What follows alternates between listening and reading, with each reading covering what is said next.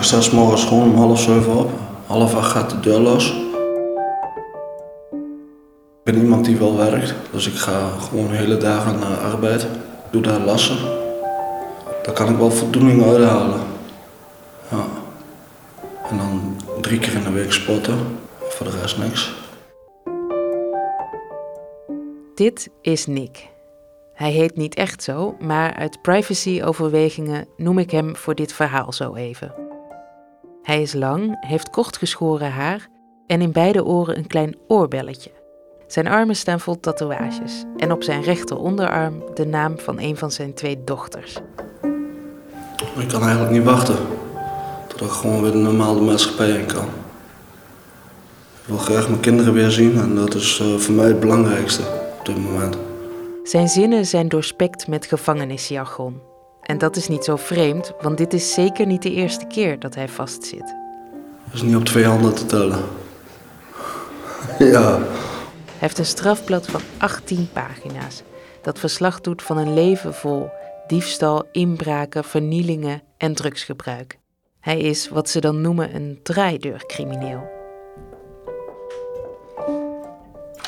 We spreken elkaar in een spreekkamer waar normaal gedetineerden met hun advocaat kunnen praten. Het is een rechthoekig hok met twee tegenover elkaar gelegen deuren.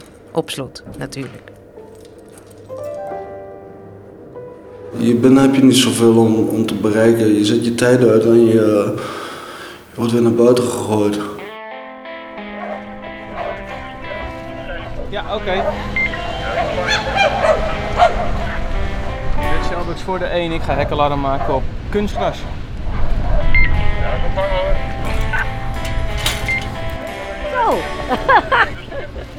Deze smakelijke lach is van Marlies de Bats, een van de twee oprichters van Dutch Cell Dogs. Dutch Cell Dogs is een organisatie die gevangenen koppelt aan asielhonden. Aan de hand van een speciaal programma trainen die gedetineerden de asielhonden met als doel ze opnieuw bij een eigenaar geplaatst te krijgen. Marlies arriveert samen met een collega in een bestelbusje. Langzaam rijden ze langs een metershoge muur afgezet met prikkeldraad. Achterin zitten zes honden. Als het hek weer gesloten is door de bewaker, mogen de gevangenen de luchtplaats betreden. Elke gedetineerde heeft zijn eigen hond. Oké, neem hem maar gelijk mee, want ze worden helemaal gek van elkaar. Het zijn vooral die, met name die twee teefjes die dat doen. Dit zijn honden die langer dan een half jaar in het asiel zitten. Dus die hebben de moed al opgegeven. Dus de meeste van dit soort honden loopt met hun kop tegen de muur, van heen en weer de hele dag. Of die staat te kijken welke hond kan ik aanvallen die toevallig langs loopt. Rustig gaan wandelen, lekker helemaal over de trein heen. Let op op waar je afloopt. Klik en belonen gelijke Benny.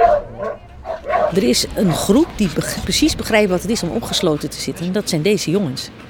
Deze jongens gaan ook om kwart voor vijf uh, worden, ze achter de, worden ze opgesloten tot kwart voor acht de volgende dag. Hebben ook geen zeggenschap over wat ze willen. En het enige verschil met honden is dat zij verdomd goed weten waarom ze hier zitten. Tariq, super. Blijf belonen. Blijf belonen. Want ze is ontzettend afgeleid.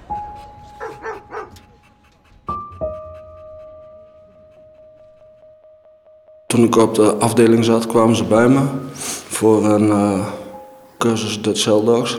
Ze trainen asielhonden, zodat ze weer een nieuw huisje krijgen. Ik ben gek op dieren, dus ik wilde er wel graag aan meedoen. Thuis ook altijd een hond gehad. Wat voor hond had je zelf dan? Een Amerikaans bulldog. Zijn die gevaarlijk? Nou, het ligt eraan hoe je hem opvoedt. De muren en de vloer van de cel van Nick zijn groen. Dat schijnt rustgevend te zijn. Naast het raam hangt een Ajax-shirtje en aan de muur een pin-up. Je moet toch wat, zegt Nick een beetje verontschuldigend als ik er naar wijs. Zijn cel kijkt uit op de uitgang van de gevangenis. Een hoge bakstenen muur met onderin een rode dubbele deur, die vanaf hier lachwekkend klein lijkt. Nick wil weg uit de gevangenis, en nu voorgoed. Hij werkt dan ook mee aan alles dat zijn herintreding in de maatschappij, zoals hij dat dan noemt, ook maar een beetje kan bespoedigen of vergemakkelijken. Die Dutch Cell Dogs is een beetje daar ook naartoe gericht, zeg maar, voor die jongens die toch weer snel de maatschappij in willen en die goed willen. En jij wil goed? Ja, ik wil liever niet terugkomen in de gevangenis. Dat is mooi geweest. Ja. Om mee te mogen doen aan het Dutch Cell Dogs programma worden er afspraken met gedetineerden gemaakt.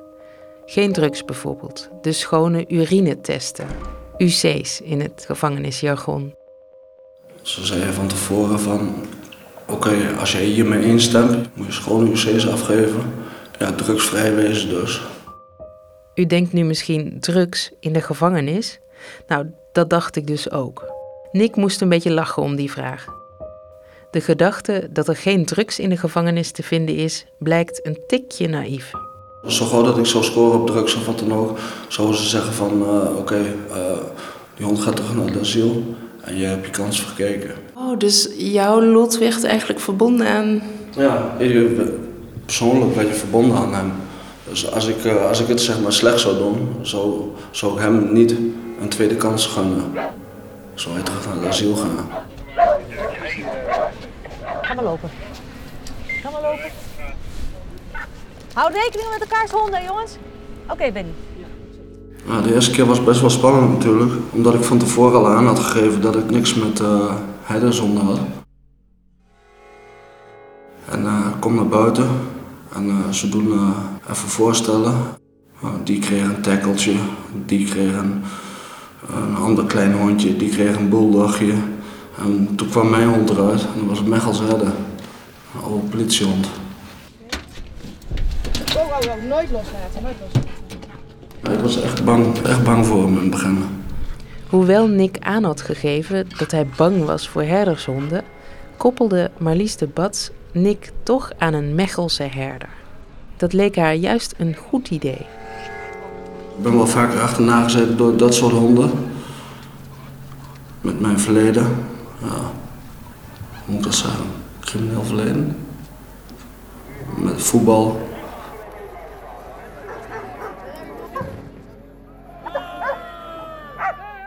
Een gegeven moment als je dan niet weggaat, ja, dan laten ze die lijn gewoon los. Ja. En ben je wel eens gebeten dan? Zo ben ik gebeten, ja. In mijn bil.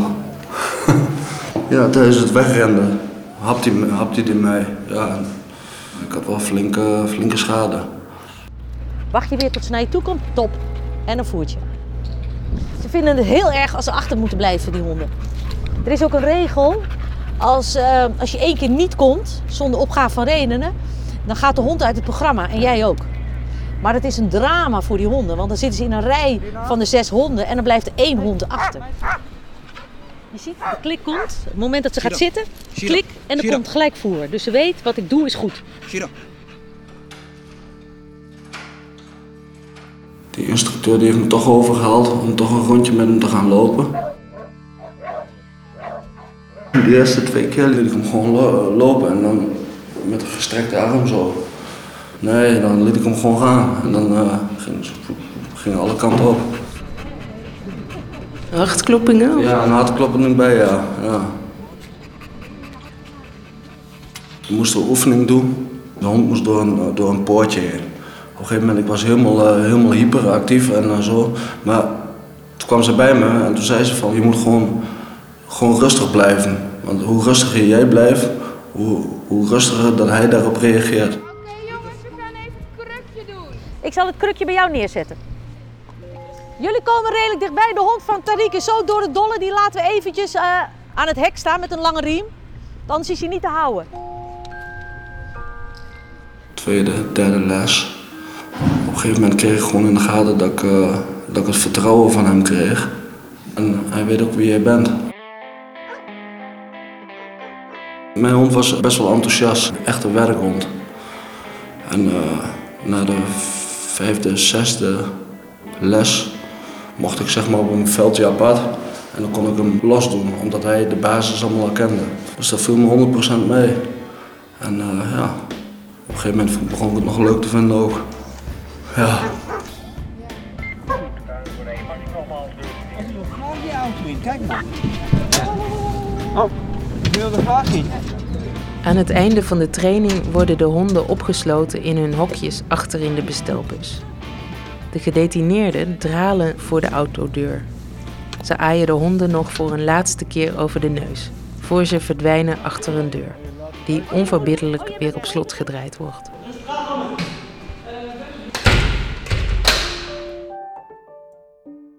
Bij de ene laatste keer kreeg ik ook te horen dat mijn hond geplaatst was. Bij een oude gezin, oudere, oudere mensen. En eh, ja, dat gaf wel een eh, soort van voldoening. De laatste sessie was eigenlijk eh, niet echt trainen meer, maar gewoon het afscheid nemen van die hond. Dat was wel moeilijk. Gewoon twee keer in de week zie je hem. En dan in één keer bam, is er toch een soort van, van gat wat er valt. Dutch Shelldogs voor de 1. Mag ik de binnenremise. Dutch Shelldogs gaat dus weer verlaten. Ik heb hem dus vernoemd naar die film Conan de Barbarian. Dat vond ik wel toepasselijk. Die overwinde ook alles. En mijn hond die heeft, die heeft dit ook overwonnen. En die heeft een tweede kans gekregen. En dan laat Nick me even alleen in zijn cel. Om te voelen hoe dat is. Er hangen foto's van zijn meisjes. Waarvoor hij niet heeft kunnen zorgen, omdat hij meer hier zat dan thuis was. Acht en elf zijn ze. Mooie blonde meisjes. Daarnaast hangt een veel grotere foto. Een foto van Conan, die trouwhartig in de camera kijkt. Dus ik kan nou elke keer nog wel naar hem kijken als ik in mijn cel zit. Ja, ik hoop dat het hem goed gaat. En ik hoop niet dat hij weer terugkomt in het asiel. Voor hem hield Nick zich wekenlang aan de afspraken. Geen drugs, geen rapporten, netjes doen wat er van je verwacht wordt. Verantwoordelijkheid nemen. Het is wel een opstapje geweest natuurlijk. Een stukje verantwoordelijkheid. Ik kijk weer terug naar die dochters. Maar het enige wat ik in mijn leven heb bereikt is eh, twee mooie kinderen op de wereld gezet. En voor de rest, eh, ja, een beetje met de boel lopen verkloten. Nick is een draaideurcrimineel. Waarom zou hij nu opeens zijn leven beteren? Vraag ik me af. Welke kant ga je op? Ga je een vader wezen voor je kinderen? Of ga je dit doorzetten? En dat ze later zeggen van je bent gewoon een waardeloze klootzak. Nou, dan kies ik toch voor het eerste. Van dat ik een vader voor mijn kinderen wil wezen. Ja, nu is het nog niet te laat. Nee, het is nog niet te laat, nee. Nee.